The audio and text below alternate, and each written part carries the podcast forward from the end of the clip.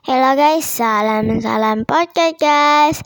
Jadi di video, jadi di podcast kali ini saya ingin bercerita tentang saya membeli laptop dan pada hari itu hari apa ya?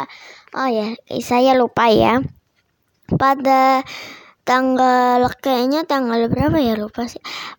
Uh, terus saya membeli tok membeli laptopnya di mm, mall ya. Kan mall banyak laptop tuh elektronik.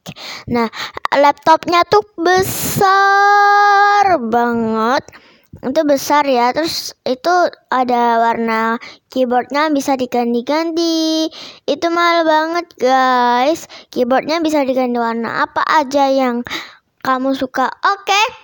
Kalau mau dengerin cerita selanjutnya, jangan lupa ikuti terus podcast saya guys. Bye, see you.